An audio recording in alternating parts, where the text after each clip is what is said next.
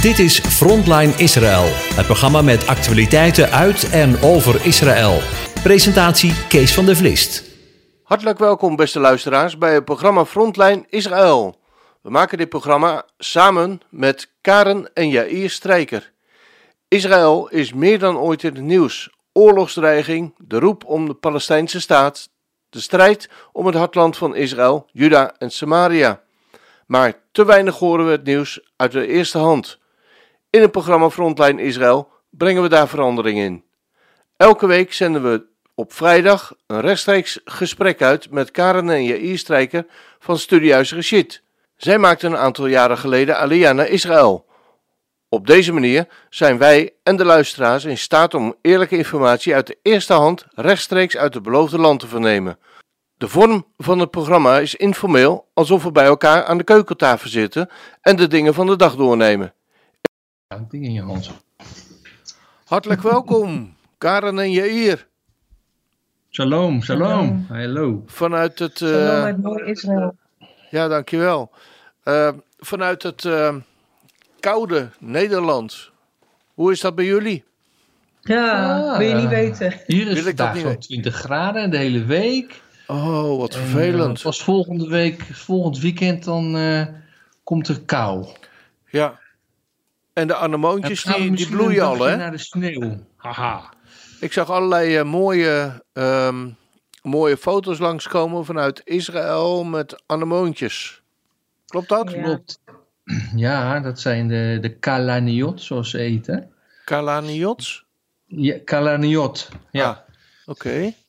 En zijn zeg maar anemonen inderdaad. En eh, dat hele zuiden kleurt rood. We gaan eh, Ja. dit weekend ook naar mijn zus. Die woont in de Negev. Ja. Bij eh Sderot en niet zo gek van Gaza vandaan. Mhm. En daar zijn hele velden achter. Ze woont in de Moshav. En daarachter zijn echt allemaal mooie glooi, glooiende velden. En die zitten nu vol met, met gele bloemen en ook heel veel kalaniot. Dus we gaan Ja. lekker even genieten van de natuur na, Ja.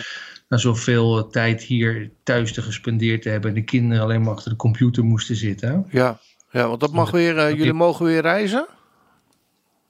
Ja, we mogen weer, eh, we mogen weer reizen. We Sinds mogen zondag? Weer, eh, ja, sinds een week mogen Ja. we weer eh, meer dan een kilometer buiten ons huis zijn. Ja. Nou, dat is in ieder geval een mooie vooruitgang, toch?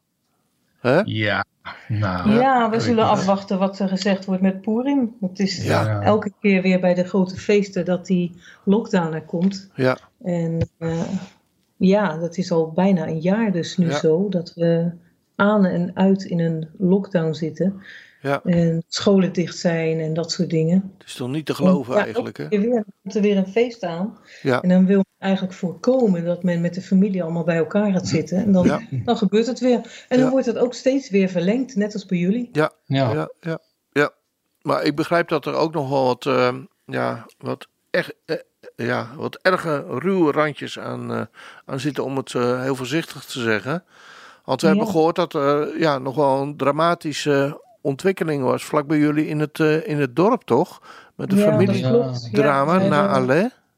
Dat was vrijdagmiddag inderdaad. Toen Mhm. eh, nou, je maakte je klaar voor Shabbat. En toen kregen we ineens bericht dat er een familiedrama was geweest. Het is nog geen 200 meter bij ons huis vandaan eh, gebeurd. Een politieman die zijn vrouw doodschiet. In het bijzijn van hun vier kinderen. tja. En waarom, dat kan hij zelf niet eens vertellen. Wat een Ehm, blackout, zegt hij. Hij zegt een blackout. Nou, als je een blackout hebt, dan doe je denk ik wel andere dingen. Dan weet je niet meer wat je moet doen. Maar Tja. hij trok zijn eh, pistool en hij schoot haar dood. Hij Schoot haar in de benen en schoot haar door het hoofd heen. En ehm, ja, het bizarre van dit hele verhaal dat deze vrouw zelf was een relatietherapeute. Die had echt een site en een blog en 15.000 volgers of volgsters. Mhm. Zo van sterke vrouwen maken een goed huwelijk. Dat soort slogans had ze. Ze was enorm geliefd in het dorp. Had Ja. Heel veel te doen ook met de school en met natuurlijk de, de kleuterklas en zo. Daar zaten haar kindertjes inmiddels. Nou ja, en vrienden van ons die, ehm, ja, die hebben dan hun kinderen bij hun kinderen in de klas zitten. Ja, Dat soort dingen. Het is natuurlijk een kleine gemeenschap. En Ja. eh, de schok is echt enorm. ja. dat, ja. Dit is zoiets ergs. Ja. Want het gebeurt vaker en het gebeurt ook in Nederland. Het valt mij overigens best wel op dat het ook wel eens bij politiemensen gebeurt. Ja. Hebben we in Nederland ook wel eens een paar keer gezien. Ja. En eh, ik vraag me dan af, is het dan zo dat die mensen staan misschien zo onder druk eh, in hun werk al, eh, Mhm. dat, dat zoiets zou kunnen gebeuren, zoveel stress. Maar je weet het gewoon niet. Je, je kan alleen maar raden en je hebt geen antwoord.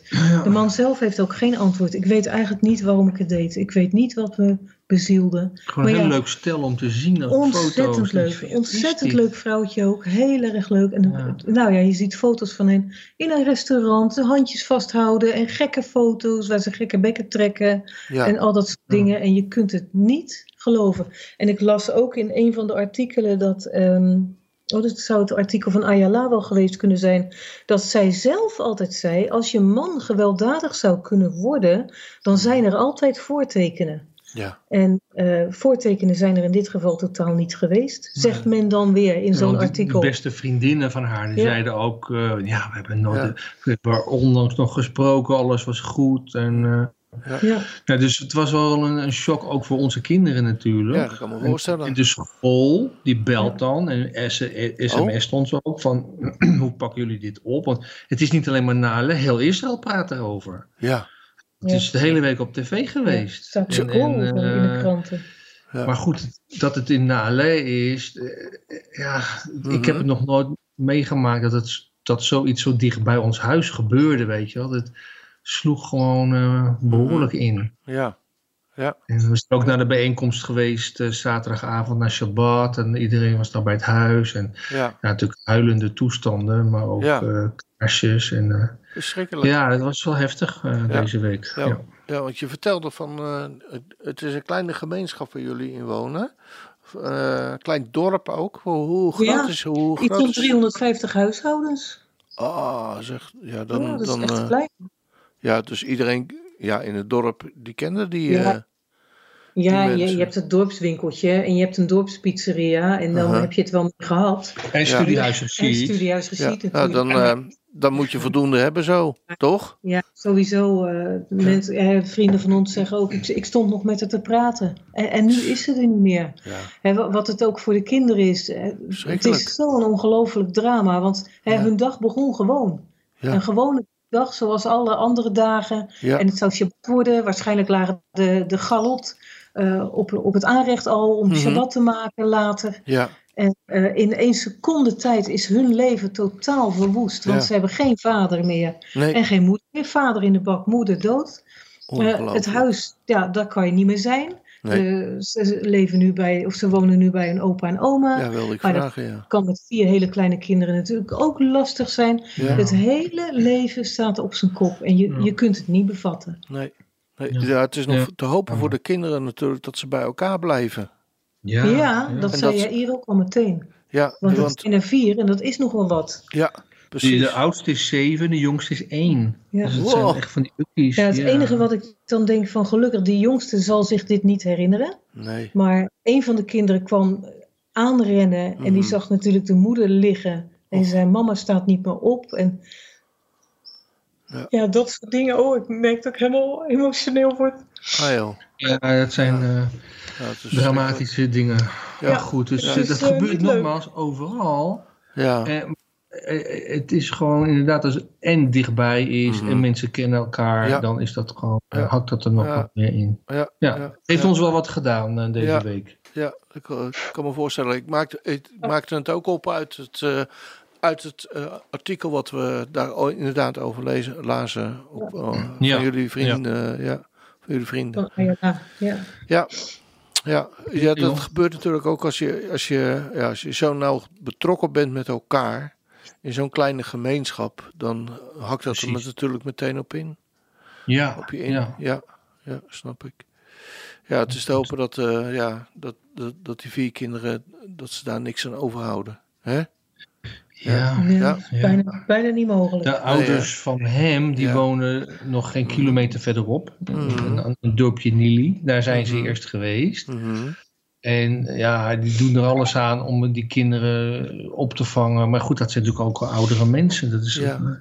Ja. ja, we zullen het wel eh, volgen. Ook de zus van haar, die heeft nog een, in Tel Aviv nog een bijeenkomst eh, georganiseerd. Voor, Ja. Want geweld tegen vrouwen, ja, dat is ook hier in het land. eh, ja, komt het regelmatig voor. Ja. voor. Vorig jaar was het ook in Mitzperamon, beneden Beersheba. Ook zo'n Mhm. zo'n aanval van een man op een jonge vrouw met een kind. En Ja. binnen de Arabische gemeenschap is het ook soms schering en inslag wat dat betreft. Ja. Eh, dus ja, het, het is ook wel een, een, een landelijk probleem. Daarom is ook veel aandacht aan besteed. Ja. Ja, goed. Het, Wat weer heel mooi was, dat eh, uit het dorp eh Dolev, dat is niet zo ver bij ons vandaan, dat is een Mhm. Meerdere. orthodox eh, dorp. En ook Talmon. Dus meerdere dorpen hebben eigenlijk de handen ineen geslagen en hebben iedereen in dit dorp een, eh, een bloemetje gegeven Ah, met een koek. tekst erbij of een Ja. koek. En die hebben gewoon elk huishouden hier even het hart onder de riem gestoken. Ah, dat Ja, is een mooie baas, hè? Echt wel verwarmend. Dus wij, Ja. Wij kregen ook een bloemetje zo, Ja. zagen we op de trap staan, weet je, Ja. met een blaadje erbij van Ja. we leven met jullie mee. En nou, dat is toch wel weer heel mooi van Ja, Israël. heel mooi, eh, ja, heel mooi gebaar. ja. Goed. Ehm, even een ander onderwerp wat, we, Ja. wat we lazen. en waar we wel hoop uit kunnen putten misschien. Dat er, dat er in, in Tel Aviv, er is een medicijn, tenminste, nou het erop lijkt, eh, tegen Ja. corona eh, min of meer ontdekt. Een bestaand medicijn. Ja, Eh, weten jullie nou ja, daarvan? Ze noemen het eigenlijk een, eh, een mi- miracle drug. Oh. Kijk, ze zijn natuurlijk al op meerdere kanten bezig van eh, hoe kunnen we gewoon eh, buiten de mRNA-vaccins eh, ook nog eh ouderwetse medicijnen ontwikkelen om eh, COVID eh, tegen Mhm. te gaan. Of tenminste Mhm. te, ja, eh, te hoe noem je dat, relief, eh, te verzachten de, de gevolgen daarvan. Ja, En eh, ja, daar hebben ze dus inderdaad een. en Griekenland doet mee aan deze test. Mhm. Dus ik vind het op zich wel een interessant verhaal. ja. Eh, het is wel wat technisch verhaal eigenlijk, maar ze noemen het dan eh, de EXO CD24 behandeling. Waarbij dus vooral, eh, je moet blijkbaar iets inademen, waardoor door dus ook je longen gewoon goed blijven. Want het is natuurlijk vooral een aanslag op je longen, Ja. dit C19. Ja. En ehm, ja, ik, ik heb wel het idee dat daar eh, goede resultaten mee kunnen worden behaald. Want ze zeggen tot nog toe dat mensen na drie dagen eigenlijk al enorm opknapten. Ja. Dus Ja, ja, ja. En blijkbaar allemaal, hè? Stond er, dacht ik. Want er waren, dacht ik, eh 30 mensen getest in dat ziekenhuis. ja En met het medicijn. En dat ze eigenlijk allemaal wel goede resultaten eh, lieten zien. Goede, resultaten. En het bracht ook gewoon het immuunsysteem tot rust. En dat is Ja. eigenlijk waar het dan om, eh, om ging. Ja. Ja, ja. Maar eh, ja, je weet ook niet eh, of het nu al op grote schaal wordt uitgerold. Want Nee. Israël is toch nog altijd heel erg bezig met, om iedereen wel het mRNA-vaccin van Pfizer toe te Ja. laten dienen. ja, ja, En, ja. Want ook, als we daar even op doorgaan, hoe, hoe, hoe staat het ervoor op het gebied van, nou laten we het maar noemen, het eh, corona? Nou ja, het land? Het, het aantal eh, besmettingen wat men in de krant meldt blijft gewoon onverminderd hoog. Ik bedoel, het is niet meer 10.000, maar Nee. het is toch of 7.000 of 5.000. Het is toch hoge getallen. Mhm. En, en soms eh, snap ik het echt niet meer hoor. Want ze zeggen ja, iedereen moet zich laten vaccineren en dit en dat. Ja, En in het begin zeiden ze al, ja, dan willen we dan eh, groepsimmuniteit zullen we dan heel snel krijgen. En dan krijg je te lezen van nee, we zullen nooit groepsimmuniteit krijgen. ja, Want er zijn ongeveer 2,5 miljoen jongelingen die niet ingeënt kunnen worden. Nou, eh, verder hebben ze het over, we hebben hier 9 miljoen inwoners. Ja. En er staat er dus, eh, ze hebben nu 3,5 miljoen hebben ongeveer de eerste prik gehad. En 2,5 Mhm. miljoen heeft de tweede prik. Hebben al twee prikken gehad. Zit je al op 6 miljoen? 6 miljoen. Tel je daar die 2,5 bij die niet mogen, heb, heb je al 8, 8,5 miljoen. Ja, Dus het een half miljoen die dus dan overblijft, die zich dan blijkbaar eh, of niet gevaccineerd, eh, niet gevaccineerd wil worden. ja. Of die hebben, zoals heel veel mensen, antistoffen die daarom zich niet vaccineren. Dus Mhm. ik, ik volg het soms allemaal niet meer. Van, wat is nou die, die enorme druk die erachter zit? Ja, Ja. En, uh, Wat ervaren, ervaren jullie dat ook? Dat er druk achter zit? Enorm. Ja, dat Ja? ervaren we. Ja, Ja, enorm. Waar uitzicht Ja. dat in?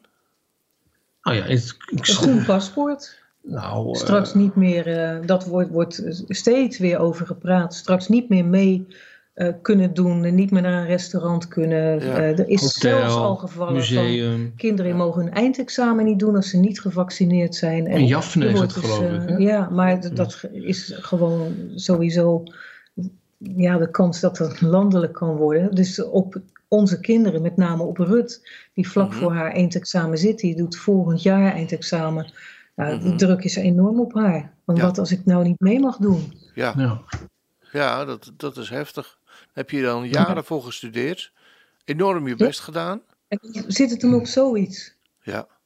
Ja, het misschien is gewoon- wel Maar- heel snel die, die, eh, dat ouderwetse medicijn ook wel beschikbaar. Ja. Maar, Maar- ik, ik vind het gewoon een, een, een, een manier van, ja jongens, kijk iedereen mag zelf denken wat hij wil, dus wij mogen ook denken wat we willen. We zijn gewoon een beetje voorzichtig hierin om, om het, eh, ons te laten vaccineren, ook met het oog op, ja wat zijn de lange termijn effecten. Het is gewoon niet genoeg onderzocht. Ja. Dus daar zijn we gewoon een beetje voorzichtig mee. We kijken liever nog even wat. wat, wat ja, we wachten er gewoon even aan. mee. We sluiten achteraan in de rij, zeg maar. ja, Eh, ook gezien de mutaties eh, die, die steeds opdoemen. En dat wordt dus wel geco- gecommuniceerd. Ja, de mutaties, die, eh, Mhm. die eerste prikken, die, eh, die helpen niet 100% of niet meer 95% tegen die mutaties. Ja. Dus ja, dat lezen we ook. Ja. Oh, Oké, we wachten wel even. Maar ja, ehm, we zijn wel een beetje bezorgd voor, hoe- voor, vooral voor onze kinderen zometeen. Snap Wat, eh, wat voor druk komt daar ook te staan. Want wat voor druk ervaren jullie dan nu? Ik heb begrepen, tenminste dat heb ik begrepen in eerdere gesprekken die we hadden, is dat, eh, dat, dat jullie soms gebeld worden of mails krijgen dat jullie moeten komen vaccineren. Klopt dat?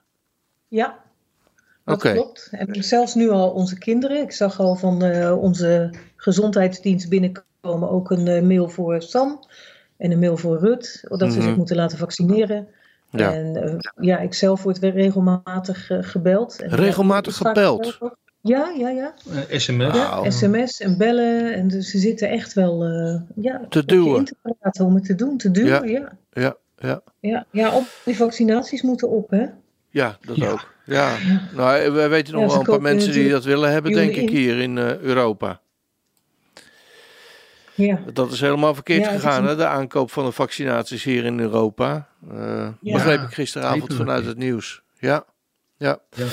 Nou, even een ander onderwerp. Ehm, Biden. Heeft hij Bibi al Ja. gebeld? Nou, hij heeft ons gebeld, maar Bibi niet. ja, Maar eh, nou ja, kijk, het, het, is, eh, het wordt nu bijna dagelijks wel iets over gezegd, inderdaad. Weet je, wel? het is nu al drie weken ja, eh, lang dat Biden op zijn stoel zit. En Ja. eh, kijk, de, de lagere officieren, zeg maar, hebben wel contact, wederzijds contact gehad. Maar eh, ja, kijk, toen eh, Trump aantrad en ook zelfs Obama, Mhm. die belde binnen no time eh, Netanyahu. Ja, En dus dat we heel snel, als al een kort gesprek geweest zijn, van nou oké, dankjewel voor de felicitatie, of weet ik veel wat. ja, wanneer kom je koffie drinken? Biden en, Biden en Netanyahu hebben elkaar gesproken even in november nadat Biden ja, de verkiezingen gewonnen had. Ja, Toen hebben ze elkaar heel even, heeft hij hem gebeld. Volgens Mhm. mij Netanyahu Bibi of hoe, eh, Biden. Maar hoe dan ook, dus sinds de inauguratie van Biden is er geen contact tussen de heren geweest. Nee. En ja, dat wordt toch wel gezien als van, ja waarom? En eh, ja, Israël is blijkbaar gewoon allemaal niet belangrijk. En ja, Ja. dan voelt Israël zich meteen altijd eh, aan de kant gezet. Dat is ook een beetje een lange tenen gevoel. ja. Maar goed, aan de andere kant hoorde ik vanmorgen op het nieuws hier in, in Nederland dat Biden ehm, ehm, de Chinese eh, wel nu gebeld heb, heeft. Ja, ja. China, Ja. China en Rusland heeft hij gebeld. Canada heeft hij gebeld. Mexico heeft hij Ja. gebeld. Misschien houdt hij van Chinees. Ja, misschien Ja, wie weet. misschien- Ja, wie weet dat hij besteld heeft. Ja. Ja. Maar kijk, hij heeft, wel, hij heeft in Europa volgens mij ook nog niet jou gebeld. Nee. Maar hij heeft nee. eh, wel Merkel gebeld en hij heeft eh, Oké. Bij Frankrijk gebeld. Maar Ja, ja, dus Israël die zit, eh, heel, heel het Midden-Oosten schijnt nog niet gebeld te zijn. ja. Oké. Maar eh, Israël eh, is toch wel een, een, partner in, Ja. voor de VS. Ja, absoluut. ook als het gaat hier in het Midden-Oosten. Maar Ja, Ja. ja. Nou ja, wat wel inmiddels achter de rug is, is dat de Senaat besloten heeft, dacht ik, in, in de VS, dat de ambassade in Jeruzalem blijft. ja. ja, ambassade wel. Maar Mhm. er werd ook even gevraagd van, ja, wat denk je dan over de Golan? Ja, daar waren ze natuurlijk bang of ze, of, ze die, eh, of ze dat ook zouden veranderen. Want ze Ja. hebben natuurlijk heel veel dingen veranderd wat Trump in, in gang heeft gezet. ja, enorm. Eh, echt, echt, ja, echt heel, heel, rijtje kan je noemen. Maar Ja, over, over de Golan, to- toen viel Blinken, dat is dus de, de, de, de spiekman, zeg maar, de, de spreekman van Amerika, die, die viel stil ja, bij die vraag. En eh, toen zeiden ja, we begrijpen wel dat de Golan eh, van strategisch belang is voor Israël. Dat was een hele vage politieke opmerking. ja, ja. En, Dan kun je eigenlijk ja, bij alle kanten op. Dus wel, Israël heeft gewoon recht op zijn veilige grenzen. Maar ja, dus daar was hij dus niet zo duidelijk in als Nee, met nee. de ambassade. Ja, nou ja, goed, dat viel mij uit. Tenminste, ik had, ik had het niet zo 1, 2, 3 verwacht. Want er waren eigenlijk, dacht maar, drie tegenstemmers in de hele Senaat. Die, Hmm. eh, die, die, het geen goed plan zouden vinden om eh, de ambassade in Jeruzalem te laten. Dus dat viel Ja, mij ja, op zich ja. wel in mee. Ja, maar ja, kijk, Ja. het is natuurlijk wel een heel oud plan. Het was in de tijd van Bush al eh, een plan dat de ambassade verhuisd zou worden. Ja. Alleen het is nooit uitgevoerd. Nee, Nee. En het is pas uitgevoerd met, onder Trump. ja. Ja, ja. Goed. Even kijken hoor. Ik heb nog één, eh, één onderwerpje voor, eh, voor, eh, voor de muziek. En dat is de ICC-aanklacht tegen Israël. Klopt dat? Ja. Ja, ja. Wat is er Dus aan de hand? De, de stad waarvan wij nu met jou spreken, Den Ja. Haag, is wat dat betreft. eh, hè, daar zit het eh, internationale eh rechtsgebouw, Ja, Vredespaleis. ja, ja. En, Den Haag is eh, uiteindelijk toch eh, eh, de stad van, eh, van eh, recht en vrede, toch? Ja, ja. Of kijken jullie daar anders Jeruzalem tegenaan? is hoor. Jeruzalem is een stad van, Ja, is gepikt, vrede. hè? Is gepikt. Het is niet te geloven. Ja. Maar eh, ja, het is de mevrouw Bensouda. Souda, die gaat volgens mij ook eh, weer vertrekken in juli of zo. Mhm. Maar eh, ja, dit is natuurlijk, heeft enorm veel stof op doen waaien van wat, wat gaat er nu gebeuren. Ja.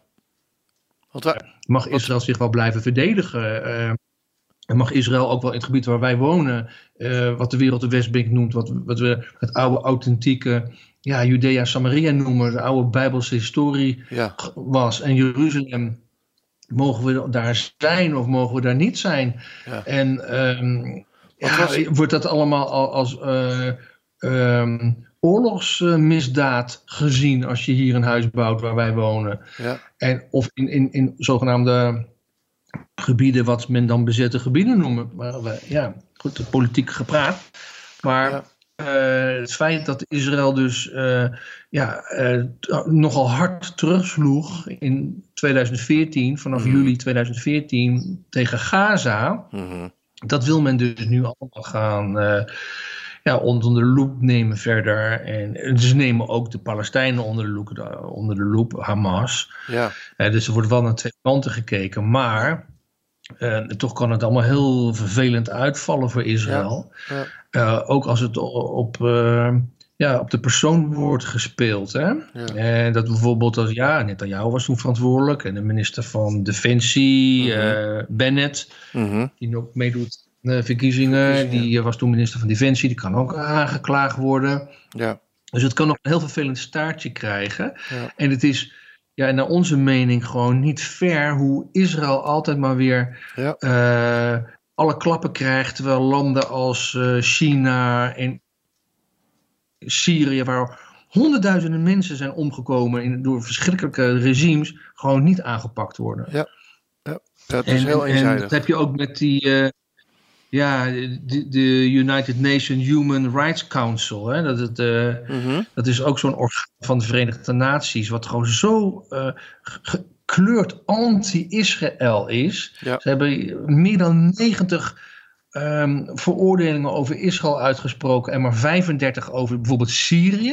En Ja. verder helemaal over China en al die andere Engelanden waar gewoon heel Ja. veel nare dingen gebeuren met mensen. Helemaal niks. Ja. Ja.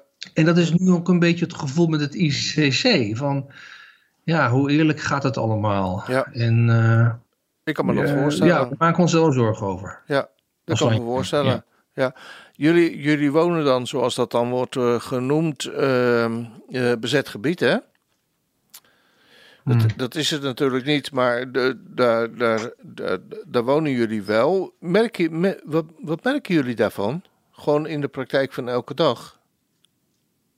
Ja. Maar ja, Merk je ja, daar we wonen iets, in een überhaupt iets ommuurd dorpje. ommuurd? En, Nou, niet ommuurd, omhekt eerder. ja, Oké. omhekt, oké. Ja. Ja. Maar eh, ja, en als kijk, je, als je het is natuurlijk een omstreden gebied. Laten we kijken, politiek Ja. gezien moet je het ook politiek houden. Is dit gewoon een, een gebied, ja, van wie is dit? Dat is omstreden. Ja. Hè, hier is natuurlijk nooit een Palestijnse staat geweest van Arabieren. nooit, Is er ooit een Arabisch-Palestijnse staat geweest? Nee, natuurlijk nooit. nooit. De, eh, dat land heette Palestina. Daar woonden Joden, christenen, Arabieren, allerlei verschillende groepen. Maar het was niet een Arabisch-Palestijnse staat. Die Nee. er nooit, is er nooit geweest. Nee, Laten we daar gewoon heel duidelijk in zijn. Ja.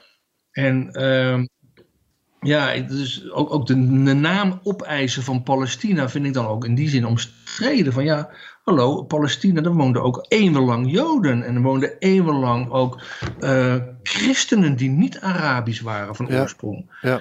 Nog op. Ja. Ehm, maar goed, dit is dus een omstreden gebied. Mhm. En eh, dat de wereld al bezet noemt, dat is eigenlijk gewoon erin geslopen. En ook de term Westbank in die zin. Wat Ja. is nou Westbank? Ja, hebben we het toch niet over de Oostbank?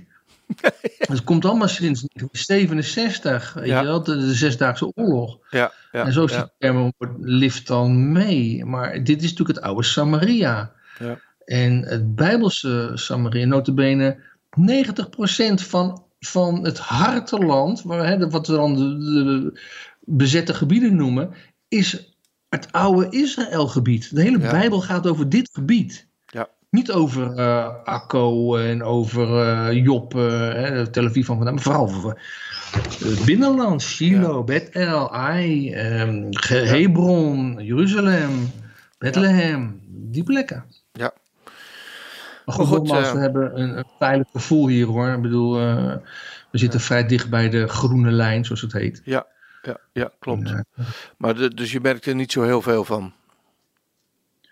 Nou, wat, wat, helemaal niks. Nee, Nee. oké. Bezet. Nee, ik bedoel, we hebben ook, er komen hier een heleboel Arabieren die, eh, die werken in ons dorp. Die komen uit de omliggende dorpen. Daar hebben we vanmorgen nog eh, even mee gepraat. En, Zouden ook jullie buren eh, kunnen gewoon zijn? goeie- Dat had gekund, maar goed, dat is natuurlijk hier strikt gescheiden. Ja. Joden wonen bij Joden, christenen en, en Arabieren Ja. wonen bij Arabieren. Ja, ja. Kijk, in, in in Israël is dat hè? anders natuurlijk. Mhm. In, in, in Jaffo en in. Haifa en, en, en Tiberias, daar wonen Joden en Arabieren door elkaar. ja. Ja. En In bij jullie niet? Nee, dat, is- dat kan niet. Nee. Nee. Oké. Nou, we gaan ehm eventjes eh, naar de muziek. En eh, daarna Ja. dan eh, hopen we weer met elkaar eh, te spreken. Over onder andere ehm, ja, jullie werkzaamheden, wat jullie daar doen. Eh, op dit moment Ja. in, ehm in Naale. En eh, welke werkzaamheden jullie doen voor Studiehuis Rashid. En eh, de wekelijkse parasha. Die we met elkaar altijd behandelen. Gaan we nu eerst eventjes naar de muziek. Shalom, friend. I'm about to send you my new book, The Samaritan Woman Reconsidered. O daughters of Zion, Oh, o Abraham's sons, hear the words of your father. Hear his promise of love. I will make you a blessing. So count the stars if you can.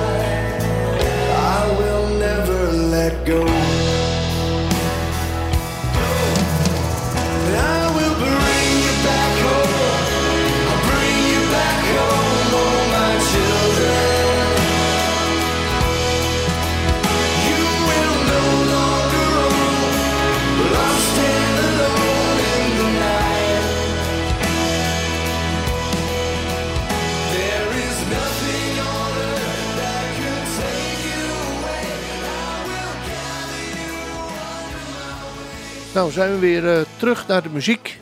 En ehm, ja, zoals we gebruikelijk zijn, ehm, ja, jullie eh, deden ook altijd naast het, het, ja, het studiehuis ook altijd eh, natuurlijk reizen verzorgen. Dat staat stil. Ja. Ehm, hoe staat het op dit moment met, met de overige werkzaamheden die jullie doen? Ja, we schrijven heel veel. We, Ja, we bereiden webinars voor. Ja, En eh, heel veel mensen hebben daar natuurlijk al van mogen meegenieten. We Mhm. genieten er overigens zelf denk ik het meest van. Maar dat is altijd als je een bijbelstudie doet. ja dan word mooi je hè? zelf het meest gezegend. Ja, En ehm, ja, we hebben dan de 24ste. Ik had overigens, ik geloof dat het inmiddels twee weken ge- geleden gezegd dat het de 24ste ook Purim is. Maar dat is niet zo. Dat had ik verkeerd gezegd. Dus eh, per deze rectificatie. mhm. Eh, de 24ste geven wij een webinar over Purim. En de 25ste is het Purim. ja, Dus Ja. vandaar. Ja. Dus dat is dan de volgende dag. ja. Ehm, wat wij nog meer hebben, we zijn met de ALEF-cursus natuurlijk altijd bezig. En hè, webinar de die cursus over het Bijbels Hebreeuws. Karen? Die is zeker. Ja, Eh, de, de, eh, de webinar, gaat die ook over Purim? ja. Oké. Ja. PowerPoint. Ja, het is een PowerPoint over Purim. En Ja. die geven we dan live via Zoom. Mhm. Sorry, ik zat alweer veel verder. Het is voor ons allemaal zo gesneden koeken. Ja. En inderdaad over Purim en de, met een PowerPoint laten we ook, want dat is zo mooi, dan laten we ook de plaatjes erbij zien. Want er is. Heel veel moois. Er zijn hele mooie platen van eh Bijbelse Estherrollen Ja. en, en dat soort dingen. En het is heel leuk om te laten zien. Dus dat doen we op die manier. ja, en dat is de 24ste.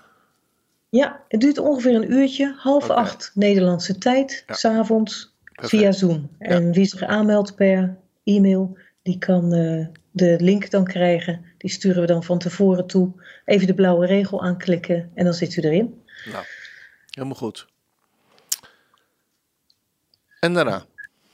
Ja, en dan, of daarna, eigenlijk net daarvoor, want dat zijn onze Oké. gewone cursussen. We geven zowel de ALEF-cursus als de GIMO-cursus. De GIMO-cursus is het vervolg op de ALEF-cursus. We beginnen 17 februari weer met de ALEF-cursus. En dat is de cursus Bijbels Hebreeuws aan de hand van een letterverhaal. Om de letters te leren, om hun functies te leren. Wat doen die letters? Wat kunnen ze? Hoe kunnen ze werken in de grammatica? En het is een eh, prachtig verhaal over de drie uittochten eh, die het volk Israël heeft meegemaakt. En ehm, die duurt zes lessen. 17 februari starten en dan om de week. Ja. Nou, die ehm, eh, cursussen zetten we ook in ons Shomron nieuws, hè, als, ge- als we gewend zijn. Ja. En dan 23 februari begint de Gimel-cursus. Dus Mhm. alle mensen die de ALEF-cursus hebben gehad, die ja, moeten eigenlijk nu even de Ja. oortjes spitsen. Want dat is een hele mooie cursus om alles te herhalen en te oefenen. Dus dat Ah, ja. geeft echt die grammatica een beetje meer eh, pit. Zodat Ja. als je dan zelf het wil gaan doen, dan weet je ook hoe het moet. Ja, ja. eh, Maar is dat dat, is is dat niet vreselijk moeilijk? Want, is dat niet vreselijk moeilijk? Want nou, het Hebreeuws is niet echt een, eh, een makkelijke taal. Nee, het is geen makkelijke taal, maar het is wel hoe je het overbrengt. En eh, ik denk dat mijn schoonvader dat uitstekend is gelukt om dat heel goed over te brengen. Als je de bestaande cursussen leest, dan moet je eerst maar eens Latijn leren. Wil je de uitleg van het Hebreeuws begrijpen? Mhm. Maar dat is dus in de ALEF-cursus niet zo. Alles gaat op zijn Nederlands. En, en ehm, eh, op die manier eh, is het eh, zo, zo eenvoudig mogelijk. En het- natuurlijk, het blijft een vreemde taal. Mhm. Ehm, maar we leggen het zo eenvoudig mogelijk uit. En we leren ook niet hele zinnen vertalen. Maar we leren gewoon woordstammen op te zoeken. En dat is vrij snel te leren. Dat kan in, in feite een kwestie van dagen zijn. Zo. Dus vandaar, het Hebreeuws in zes dagen noemen we deze cursus. Ah, ja. ja. En net zoals er zes scheppingsdagen zijn, kunnen we ook leren om alle, dat noemen wij dan dienstdoende lettertjes te herkennen. En wat Ja. doen die dan in de grammatica? Ja. En op die manier dus eh, woorden te kunnen ontleden. Nou, dus als er mensen zijn die eh, zeggen, nou, ik wil al eh, in ieder geval goed kennis maken met het Hebreeuws, dan is dit een hele mooie eh, cursus om te gaan volgen. Heel, ja, heel, heel erg Ja. aan te raden. Ja, ja. Want wat kost, de, wat kost de cursus? De ALEF-cursus kost Ja. 79 euro voor die zes lessen. Per, per keer? Nee, nee, per zes lessen. Per zes lessen? Ja, Nou, dat is toch eigenlijk helemaal geen geld, hè? hij heeft geen geld, joh. Nee, nee, nee. En eh, heb ik daar nog andere dingen bij nodig dan? Eh, bu- buiten Ja, het feit dat jullie dan eh, de, de studie per, per Zoom doen jullie dat, hè, dacht ik? Ja, ja, we hebben een boek. Eh. Het ALAF cursusboek. Dat kan besteld worden via onze webwinkel. Ook gegevens daarover staan in het Shomron nieuws. Dat boek kost Mhm. Ja. 29,50. Oké. Het is aan te raden om het erbij te bestellen. Maar als u gewoon alleen maar meer wilt weten Mhm. ervan. En zegt nou ik ben er eigenlijk niet van plan er verder nog iets mee te doen. Dan kan het ook zonder boek. Want ook dat doen we allemaal via PowerPoint. Maar als Ja. u het echt wilt leren is het boek wel aan te raden. Het is niet verplicht. Maar het is wel, wel beter om Ja, het erbij te ja, hebben. ja, Dan dus- is ook alles nog eens na te lezen. Maar goed, als je, het, als je het boek hebt en je doet de cursus zelf, of de, de studie zelf, dan ben je Ja. ongeveer 110 euro in zijn totaal kwijt voor zes, voor zes avonden. Ja, Nou, dat, eh, dat kan bijna voor niemand een, eh, een bezwaar zijn, denk ik. Het is, eh, het- ik denk dat er maar heel weinig cursussen zijn van zes avonden die, eh, waarbij je Hebreeuws kunt leren voor, voor, eh, nou, voor net 100 euro, denk ik. Hè? Mhm. Er zijn er maar en weinig. het is leuk. Het is Ja. echt leuk. Ja. Het is eh, heel bijzonder. En ja, wat ik zelf heb gedaan, jullie horen mij wel Mhm. de parasha doen. Mhm. Dan denk ik, ja, ik heb alleen maar de ALF-cursus gehad. Maar dit kan ik er dus wel allemaal mee. En dat, dat is wel leuk. Ja. En dan denk ik ook van wat, wat ik dan kan, met vanuit het Hebreeuws te kijken en Mhm. eh, dingetjes te. Weet je, dat kan, dat kan dan iedereen die de Ja. ALF-cursus heeft gehad. Dan, dan kun je dat. Mooi. En eh, ik heb dus helemaal geen universiteit gehad of niks. Eh, maar ik ben het gewoon gaan doen. En heb inmiddels al een aantal jaar ervaring, waardoor dat steeds makkelijker gaat. Ja. Maar dat kan dus voor een ander ook. En Ja. dat is zo leuk. Mooi. Dat je gewoon, eh, want ik ben echt eh Janientje met de pet op. ja, ik ben helemaal niet super intelligent of zo. Helemaal niet. Maar, nee, ik weet niet of jij dat zou willen bevestigen. Nou, goed. goed. Ehm, dus we hebben de, de, het, het eh, webinar over, ehm, over eh, Purim. Dat is Ja. gratis te volgen. We hebben de A-Life-cursus ruim een week ervoor. En de Gimel-cursus één dag dag voor, eh, dus de 23ste. Ja. Goed. Ja. Ehm, en dan tijdstip komt weer uit met Purim. Het blad dat wij schrijven. Mhm. dat, eh, nou, we hebben het eigenlijk nu ingeleverd bij de opmaak. Dus altijd weer een hele bevalling. ja. Maar we hebben een mooi blad, we hebben mooie artikelen. En eh, ook aan te raden, dat komt dus uit ongeveer omstreeks Purim. Waarin ook dan weer het hele verhaal daarover eh, komt te staan. Oké. En allerlei andere eh, artikelen. Zoals Sabine Plat, die heeft een artikel over eh, Er zij licht eh, geschreven. Ah, Dat gaat eigenlijk over zink. En dat als een eh, conceptie plaatsvindt van een eitje met een zaadje, mhm. dan eh, geeft dat eitje een lichtflits. En dat heeft Oh. dus te maken met zink, wat daar dan in is. Nou, ik had daar nog nooit van gehoord. Ik heb dat artikel niet gelezen, ik heb het bijna opgegeten. Zo mooi. Jo. Nou, Geweldig. Ik wist niet dat dat kon. Maar in ieder geval, er zij licht, dat gebeurt dus ook al bij de conceptie. Heel mooi. prachtig zeg. Ja, en verder artikel over Jona en over eh, de verborgen psalm, waar we Mhm. eh, webinars over hebben gegeven. Ja. Dat hebben we in twee delen gedaan. Nu komt dan ook dat eerste deel in tijdstip te staan. Ah, Oké. Dus ehm, nou, er valt van, van alles te lezen over het Ja. Hebreeuws. En, eh, En hoe vaak komt het blad tijdstip uit? Vijf keer per jaar. Vijf keer per jaar. En wat zijn de kosten van het blad? Ehm, de kosten zijn 28,95 voor die vijf keer. En dan krijg je vijf keer tijdstip toegestuurd over de post. Ja, En ehm, nou, dat is, eh, dat is een mooie prijs voor, eh, voor zoveel goud wat er in, die, eh, in de bladen staat. Want dat is mijn Ja. ervaring wel. ja ik moet zeggen ja. dat de meeste kosten zitten in de porto. Ja, Het is wat, hè? Dat ja, ja, is eigenlijk zo ja. jammer. Als je het los in de winkel zou halen, is het veel goedkoper. ja, want jullie Dan drukken denk je het. wel eens van, nou, daar schrijf je dan zo, daar doe je dan zoveel moeite voor. Ja, maar ja. Ja, ja, ja. Ja, Maar goed, het is een mooi, eh, het is een mooi blad. eh, ook kwalitatief. Dus eh, zowel inhoud als, als papier zijn, ziet er gewoon, gewoon allemaal goed uit. ja. Ehm, dat waren jullie activiteiten die jullie wilden melden, dacht ik, hè? Ja, ja. en we zijn weer bezig aan denken welke nieuwe webinars maken we weer. Daar komen we nog op terug. Oké, dan hopen we dat de volgende keer met elkaar mogelijk te kunnen be- bespreken. Ja, Dan gaan we, denk ik, over naar de wekelijkse parasha. ja. En Wat die heb is je voor ons? deze keer ook weer. Ja, Ja, het is elke eh, keer mooi, hè? Elke keer, hè? Elke keer weer hetzelfde Ja. zeggen. Maar Ja. het is gewoon zo. Het is een prachtige parasha om ook weer eh, na te lezen. Parasha Mhm. Mishpatim in dit geval. Mhm. Wat betekent rechters, maar ook regels. Ook een regel in een schrift is ook een eh mishpat. Maar eh, het gaat dus in dit geval over de rechtspraak. En daar komen dus heel veel ehm, ja, regels die God opstelt, eh, komen daar te staan. Mhm. En we gaan een, een- ja, in vogelvlucht doorheen, want het is erg veel. Het is een grote parasha. Maar wat met name zeer belangrijk is in deze parasha is de instelling van de pelgrimfeesten. Pesach en Shavuot en het Mhm. Loofhuttenfeest Sukkot. Ja. Waarbij God dan eh, gebiedt dat men opgaat naar Jeruzalem om hem te eren met de opbrengsten van de oogsten. Want al deze feesten zijn tegelijk ook oogstfeesten. Maar waarbij ook de uittocht en de doortocht en de intocht worden herdacht. Dat is van belang voor God. Het zijn dan ook niet zomaar feesten. Het zijn hoogtijden waarvan hij zelfs ook zegt, die zijn van mij. Het zijn mijn hoogtijden. Ja. Niet van jullie, het zijn mijn feesten. Dat Ja. is echt een eye-opener voor christenen.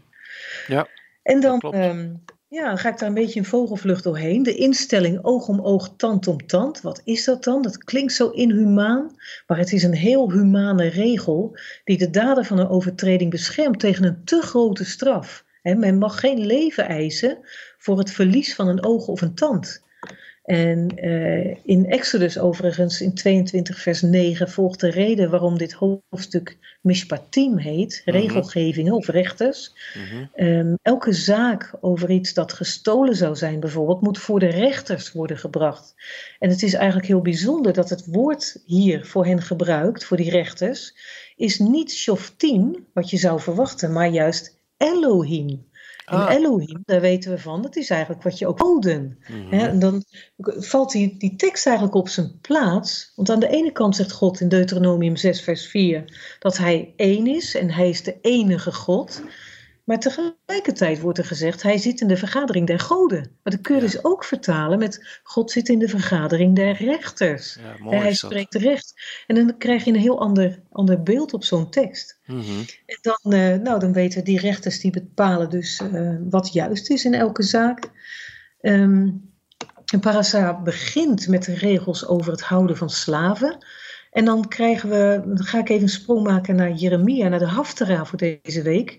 Daar bevestigt hij dat het niet nakomen van Gods regels hieromtrent op een ontzettend ernstige straf komt te staan. God houdt eigenlijk bijna niet op met te waarschuwen wat er allemaal gebeurt Ehm, als je niet doet wat hij zegt. Het is maar goed dat Jeremia Gods belofte aan Israël herhaalt in deze Haftara, gezien de straf die hij doet neerkomen op het volk, omdat men hun slaven dus niet echt blijkt te hebben vrijgelaten. Ze Oh. zijn teruggeroepen in veel gevallen.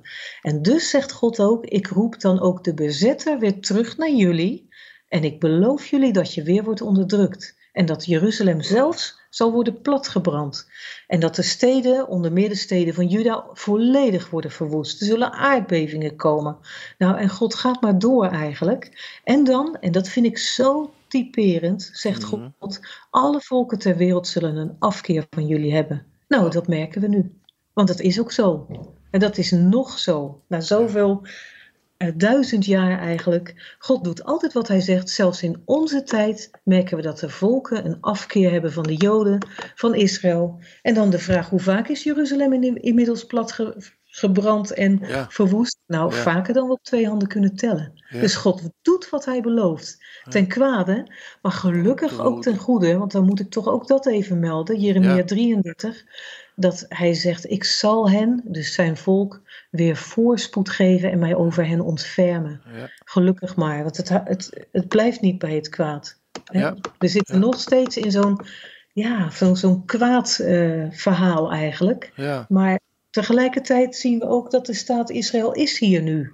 nou en dat hadden we ook niet meer kunnen verwachten bijna. Nee, Dat nee. is toch mooi, hè? Ja, dat is geweldig. Ja.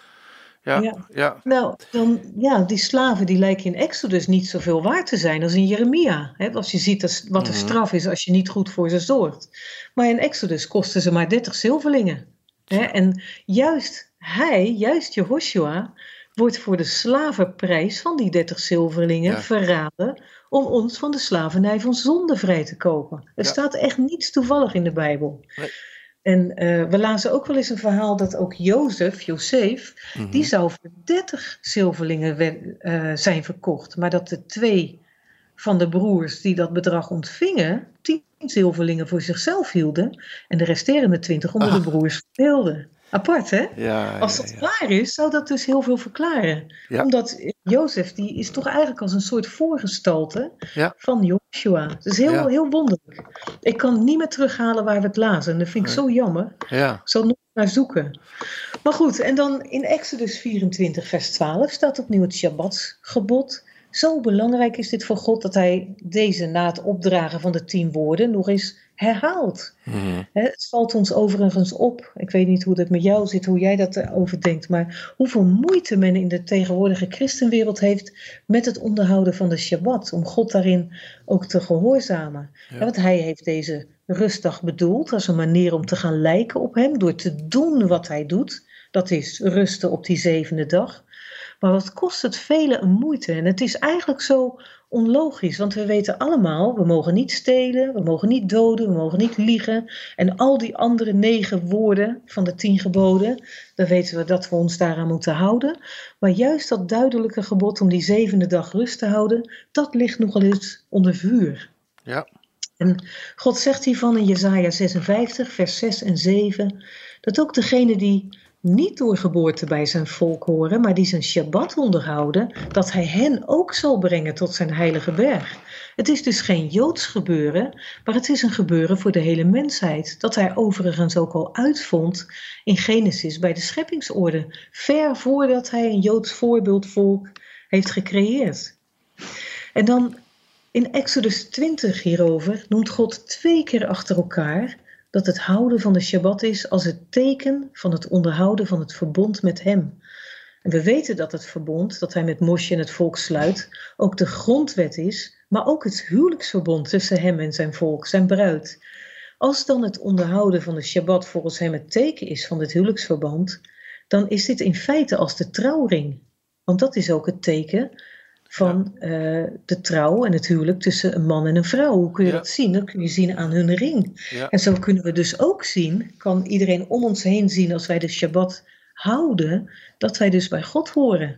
En zo kan iedereen dat zien. En daardoor eren we in feite zijn, zijn heilige naam. Ja. Dus er zit zoveel meer bij, hè? Ja. En dan zou men zeggen: van ja, maar hè, de Heer Jezus, Jehoshua, heeft de wet toch vervuld, dan hoeft dat toch niet meer. Mhm. Maar waarom zou het vierde gebod ineens niet meer hoeven, terwijl de andere negen geboden nog steeds van kracht zijn? Is dat dan logisch? Want ik, Mhm. ik zeg dit zo omdat wij best vaak dit hebben gehoord. Best vaak van ja, maar dat is toch niet meer voor nu. En we hebben de zondag en dat soort dingen. Maar God Mhm. is heel duidelijk over welke dag en welk feest en eh, dat soort dingen. Ja. Dus ja, vandaar dat ik dat even benadruk. Nou, dan terug naar de berg. Nadat God allerlei regels heeft gegeven, leest Mosje deze voor aan het volk, waarop zij antwoorden. En dat is heel mooi in Exodus 24, vers 3. Ja. Alles wat God geboden heeft, zullen we doen en daarnaar horen. En dan let op de volgorde, niet eerst horen dan doen. Nee, andersom, als ultieme gehoorzaamheid. Ja. En daarna wordt het gehele volk door Mosje gedoopt in het bloed van het vredeoffer. Nou, helaas weten we uit de geschiedenis en uit bovenstaande, wat we net genoemd hebben, dat dit doen en horen niet van lange duur is geweest. Heel jammer. Nou, dan gaan de oudsten eindweegs met Mosje mee de berg op en ze eten en ze drinken in de tegenwoordigheid van God. Dan gaat Mosje daarna alleen verder en blijft daar 40 dagen, 40 nachten om met de aanwezigen zelf te spreken. Nou, dan springen we naar het eh, Nieuwe Testament, naar Matthäus, waar de discipelen dit ook meemaken.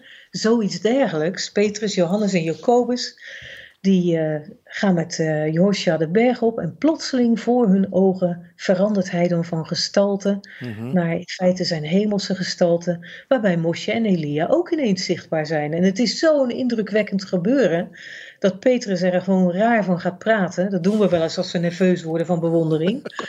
En eh, God zelf valt hem dan in de reden met te zeggen: Dit is mijn zoon, in wie ik mijn welbehagen heb, hoort naar hem.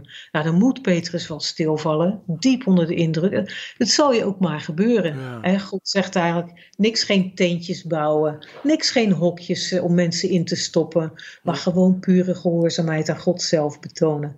Petrus moet hier nog zoveel leren, maar hij is uiteindelijk wel door de vervulling met de Heilige Geest die prachtige persoonlijkheid geworden, die we ook uit zijn geschreven brieven herkennen. Nou, en dan ga ik een beetje woordstudie doen, want dat is zo leuk. En dat is zo mooi in dit eh, stuk ook weer. Want zowel in Exodus als in Matthäus wordt hier gesproken over een wolk. Een anaan is dat in het Hebreeuws. En ehm, die wolk wordt in beide Bijbelboeken dus ook gebruikt door God als een soort omhulling, als een soort kleding waarin hij zich hult. Hij is daaraan aan het oog onttrokken en toch ook tegelijk weer niet. Want de oudsten van Israël op de berg, zij zien hem en ze eten en ze drinken in Exodus. En ook de discipelen in Matthäus kunnen hem in zijn heerlijkheid herkennen, wanneer hij hem dus toespreekt over zijn geliefde zoon. Nou, Anaan, dat, die wolk, dat heeft woordverband in het Hebreeuws met het Hebreeuwse woord anad. En dat betekent omwikkelen, ombinden. Ah, En eh, dat is zo mooi, want God omwikkelt zich dus met die anaan, met die wolk. ja. En we hebben nog een woordverband tussen die twee. En dat is met het woord voor oog of ayin. De, of aanblik. Dat is het woord ayin. Dat betekent oog of aanblik. Mhm. Nou, de aanblik van God wordt dus verzacht voor het oog door deze wolk die hij heeft omwikkeld, omgebonden. Ah, Machtig, hè? En dan nog een woordverband met Anan, met het woord voor wolk, is het woord Nasa. Ja, hoe kom ik aan die woordverbanden? Nou, het woord Anan bestaat uit een ayin en twee keer een noen. En het woord Nasa bestaat uit een noen en een samig en een ayin. Nou is het zo als drie of twee werkwoorden, die bestaan uit drie letters. Als er twee letters van gelijk zijn, mhm. dan mag je daar woordverband in zoeken. Nou, vandaar dus Want het klinkt helemaal niet voor de klank Nee. als er verband is, maar wel in de letters. Dat verband is er. Het leuke is, dat woord nasa met een ayin betekent doorreizen, opbreken. En dat heeft dus verband in dat Hebreeuws met het woord voor wolk. Nou, we weten uit de geschiedenis dat men doorreist, het volk Israël, op het moment dat de wolk zich verheft en verder trekt. Ja, Ah, dat kan zeg. geen toeval zijn, hè, dit soort nee, dingen. nee, Nou, geweldig. ja, en dan nog eens een keer. Eh, dat Anan, wolk, heeft ook woordverband met het Hebreeuwse woord voor Anava. En Anava betekent nederigheid. En Mosje, Mozes, die als enige in die wolk mag zijn met God die 40 dagen op de berg, dat is de meest nederige man die in het Israëlische kamp te vinden is. Ja. En dit woord Anava wordt nogal eens vertaald als zachtmoedig. Van, hè, dat wordt er geschreven in de vertaling van eh, Moshe is de meest zachtmoedige mens. Echter, dat was hij niet. Hij is helemaal niet zo zachtmoedig. Want we zien in zijn leven genoeg dat hij een behoorlijk kort lontje heeft. Ja. Hij heeft iemand zomaar doodgeslagen. Hij is geen makkelijke. Ehm, maar nederig is hij inderdaad wel. Hè. Nergens komt hij voor zichzelf op. Overal waar hij ten, aangevallen wordt, als het ware, ook door zijn broer en zus op een gegeven moment, nergens komt hij voor zichzelf op. En we zien het ook, eh, en dat hebben we in de vorige parasha ook gezien, eh, dat hij eigenlijk speelt min of meer voor postbode tussen God en de Ja. farao, zonder zelf ooit op de voorgrond te treden. Dus ook dat, hij mag zich in die wolk hullen, als het ware, met God boven op die berg. En dat komt waarschijnlijk door zijn nederigheid. Dat vind ik zo mooi. Ja, Nou. Het is helemaal de moeite waard om dit allemaal nog eens na te lezen in het weekend. Gewoon Ja. die Bijbel erbij te pakken. En eh, ik zou dan zeggen aan iedereen heel veel lees- en leerplezier. En Shabbat Shalom. En eh, nou, we gaan weer eh, verder naar de volgende parasha van volgende week. Gaan we daar weer aan knutselen. Helemaal goed. Ja, je verrast me elke keer weer. eh, En ik verbaas me elke keer weer hoe, inderdaad hoe je, hoe je die woordverbanden eh, bij elkaar zoekt. En met name ook het feit ehm, wat de woordverbanden met elkaar te maken hebben, weet je. Ja, Soms denk je wel inderdaad van, wat heeft een wolk met een oog te maken? En Ja. nou ja, de- dan, dan is dat geweldig om eh, op deze manier te mogen horen. Ik wil je opnieuw weer enorm bedanken. Ja graag gedaan. Ik doe Ja. het met zoveel liefde en plezier. Nou, willen mensen dit eventueel nalezen of eh, daar meer over weten? Of iets willen weten over eh, de, de eh, studies of de webinars? Of willen zich eventueel kennis maken met, met tijdstip? Stuur even een mailtje naar studiehuisgeschied.nl en dan komt het allemaal voor elkaar, toch? Yep.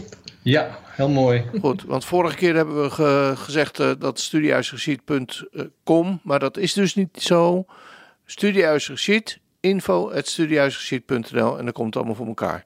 Dan wil ik je heel hartelijk bedanken weer voor, eh, voor deze keer en wens ik je eh, voor nu alvast Sabbat Shalom.